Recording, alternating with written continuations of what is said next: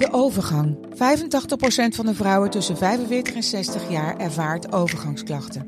Klachten die kunnen leiden tot een verkeerde diagnose of langdurige arbeidsongeschiktheid. Wat kun je doen als je overgangsklachten ervaart? Hoe maak je dit bespreekbaar op je werk? En als jouw medewerker bij jou komt, wat kun je als werkgever dan doen? Sector Instituut Transport en Logistiek heeft een kennisplatform ontwikkeld waar jij terecht kunt voor tips en adviezen. Wil je er meer over weten? Kijk dan eens op stl.nl/slash Dit is Strik Privé, de dagelijkse showbiz-update met Evert Zandgoeds en Jordi Versteegde. Boom. En daar zijn we op de eerste dag van nu al een hele heftige showbizweek. Want er komt wat aan, Evert.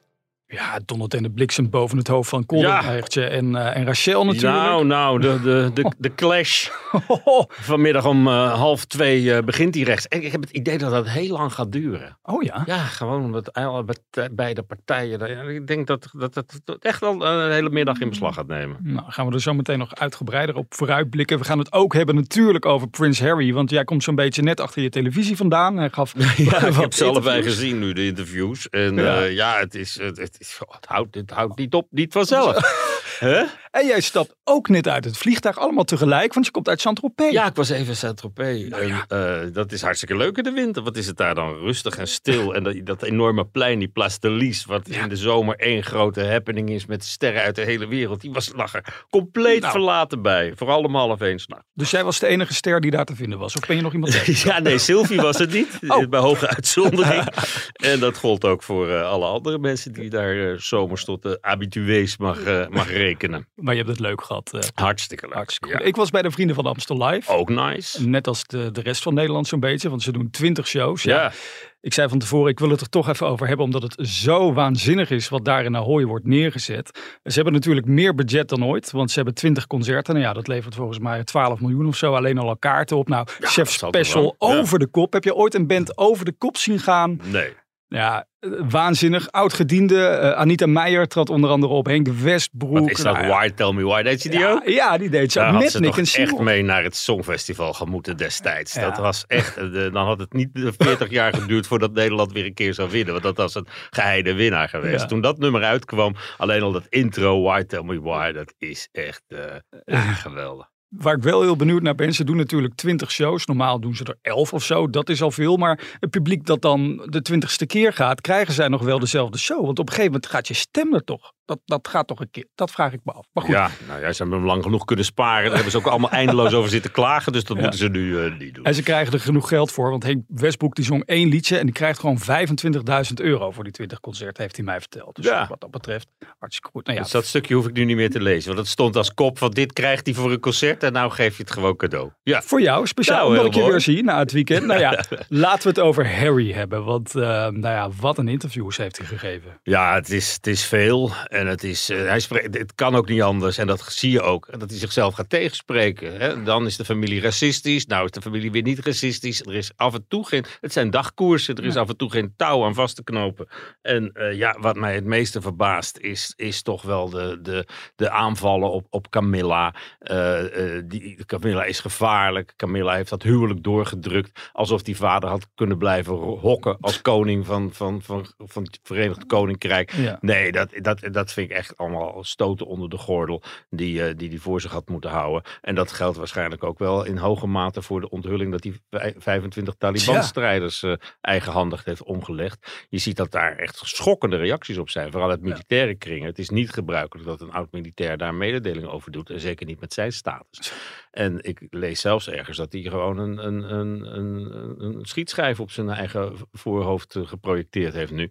Want ja, en zijn Invictus Games worden hiermee een, een terreurdoelwit. Hmm. En zijn eigen gezin. En dat niemand zich dat gerealiseerd heeft voordat dat boek naar de drukker ging, dat is verbijsterend. Maar wat zou een reden kunnen zijn om dat dan te onthullen in dat boek? Wat zoveel kanten op gaat. ook. Ja, ik denk dat hij heel eerlijk wilde zijn. En Ja. dat toen dat ter sprake kwam, dat hij dat ook maar gezegd heeft. Maar daar hadden toch wel mensen met het rode potlood bij moeten komen. Die zeggen van, nou, dit lijkt me niet verstandig. Hou Ja. het er gewoon op dat je daar was voor de vrede. Dat je omwille van je, van je maten niet kan vertellen wat er allemaal gebeurd is.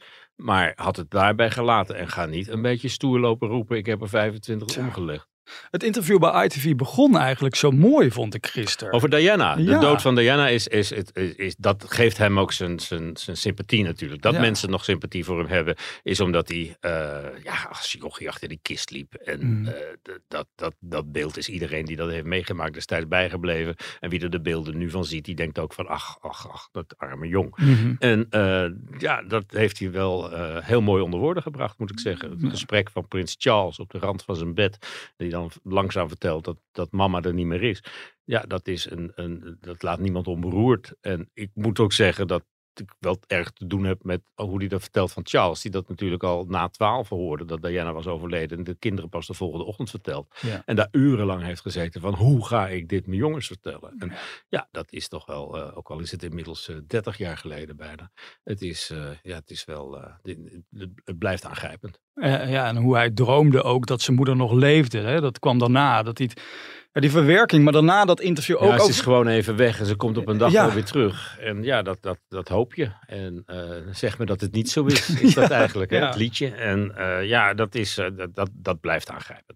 Gaat ook over William, de vechtpartij, die nog niet zo heel lang Ja. geleden heeft plaatsgevonden. Nee, dat, ja, daar lag hij tussen, tussen de hondenbrokken. en, dat is- Ja, De man die 25 Taliban-strijders omlegde, die, eh, die laat zich door één klap door zijn broer tegen de grond slaan. Ja, het, Ja. Is, het, is, het, is, het blijft verbijsterend Ja. dat je het allemaal vertelt. En ik vind vooral de aanvallen op, op Camilla en Catherine, die heel goed haar best doet, dat, dat, daar, daar gaat hij op een dag spijt van krijgen. De Britse pers heeft eh, massaal gereageerd. Hè? Wat is een beetje de samenvatting daarvan? Nou ja, dat hij niet moest zeuren. En dat hij Hm. eh, eh, zijn boekje zwaar te buiten gaat. En niet moet zeggen de ene kant ik wil een verzoening. En de andere kant het ene interview na het andere boek Ja.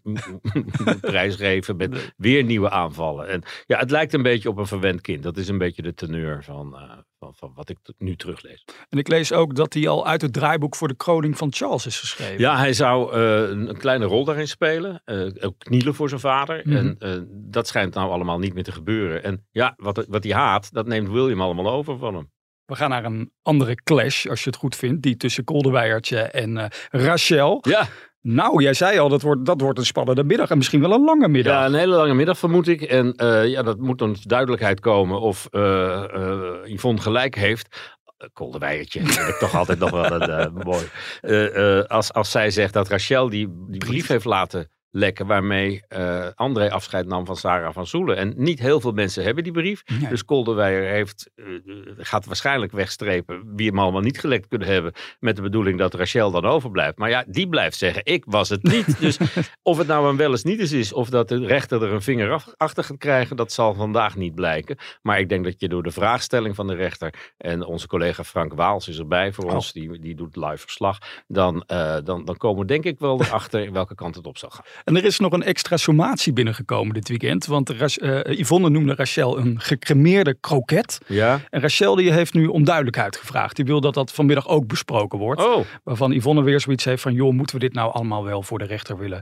uitspelen? Het kost natuurlijk ontzettend veel geld en ook heel veel tijd van die rechter. gaat- ja, daar, gaat, het- daar hoeft Yvonne zich niet druk over te maken. Of ze moet ander werk gaan doen. Maar Nou ja, nee, ja, nee daarvoor is de rechtbanker. Vroeger ging je met een pistool op iemand af. We willen juist dat het niet gebeurt. Dat je dingen aan de rechter voor kan leggen. Dus eh, ja, dat, dat moeten we dan ook maar doen als, als mensen zich eh, geschoffeerd voelen. En dat gaan we vanmiddag beleven. En Rachel kan beter haar bed daar laten liggen. Want er komt nog een andere zaak ook met haar dochter natuurlijk. Nou, en de Febo zit er tegenover, schuin tegenover. Dus ze kunnen, ze, kunnen Rachel nog vergelijken met eh, de dingen die daar te koop zijn. Ja, tot slot nog even. Vanmiddag wordt de mediapersoonlijkheid van het jaar gekozen. Ben jij het? Nee, vast niet. Nee, Oh. het is, eh, nee, dat zal Tim Hofman. Die gaat Ja. dan zijn- zijn zesde of zevende prijs ophalen. Maar dat geeft wel aan hoe ongelooflijk veel prijzen er zijn op Mhm. elk gebied. En eh, dat maakt het ook een beetje minder interessant. Vind ik. Maar dat hij de mediapersoonlijkheid van het jaar is, dat is toch wel, dat staat als een paal boven water, toch? nou, dan, hoeven we, ook- ja, nou, Nou. dan hoeven we daar ook eh, niet meer naartoe. Hè, als dat nu al duidelijk is. Morgen moeten wij wel weer naar deze studio, want dan zijn we er weer om 12 uur met een nieuwe podcast. Nou, en dan gaan we even terugblikken op de rechtszaak hoor. Hè? Tot dan.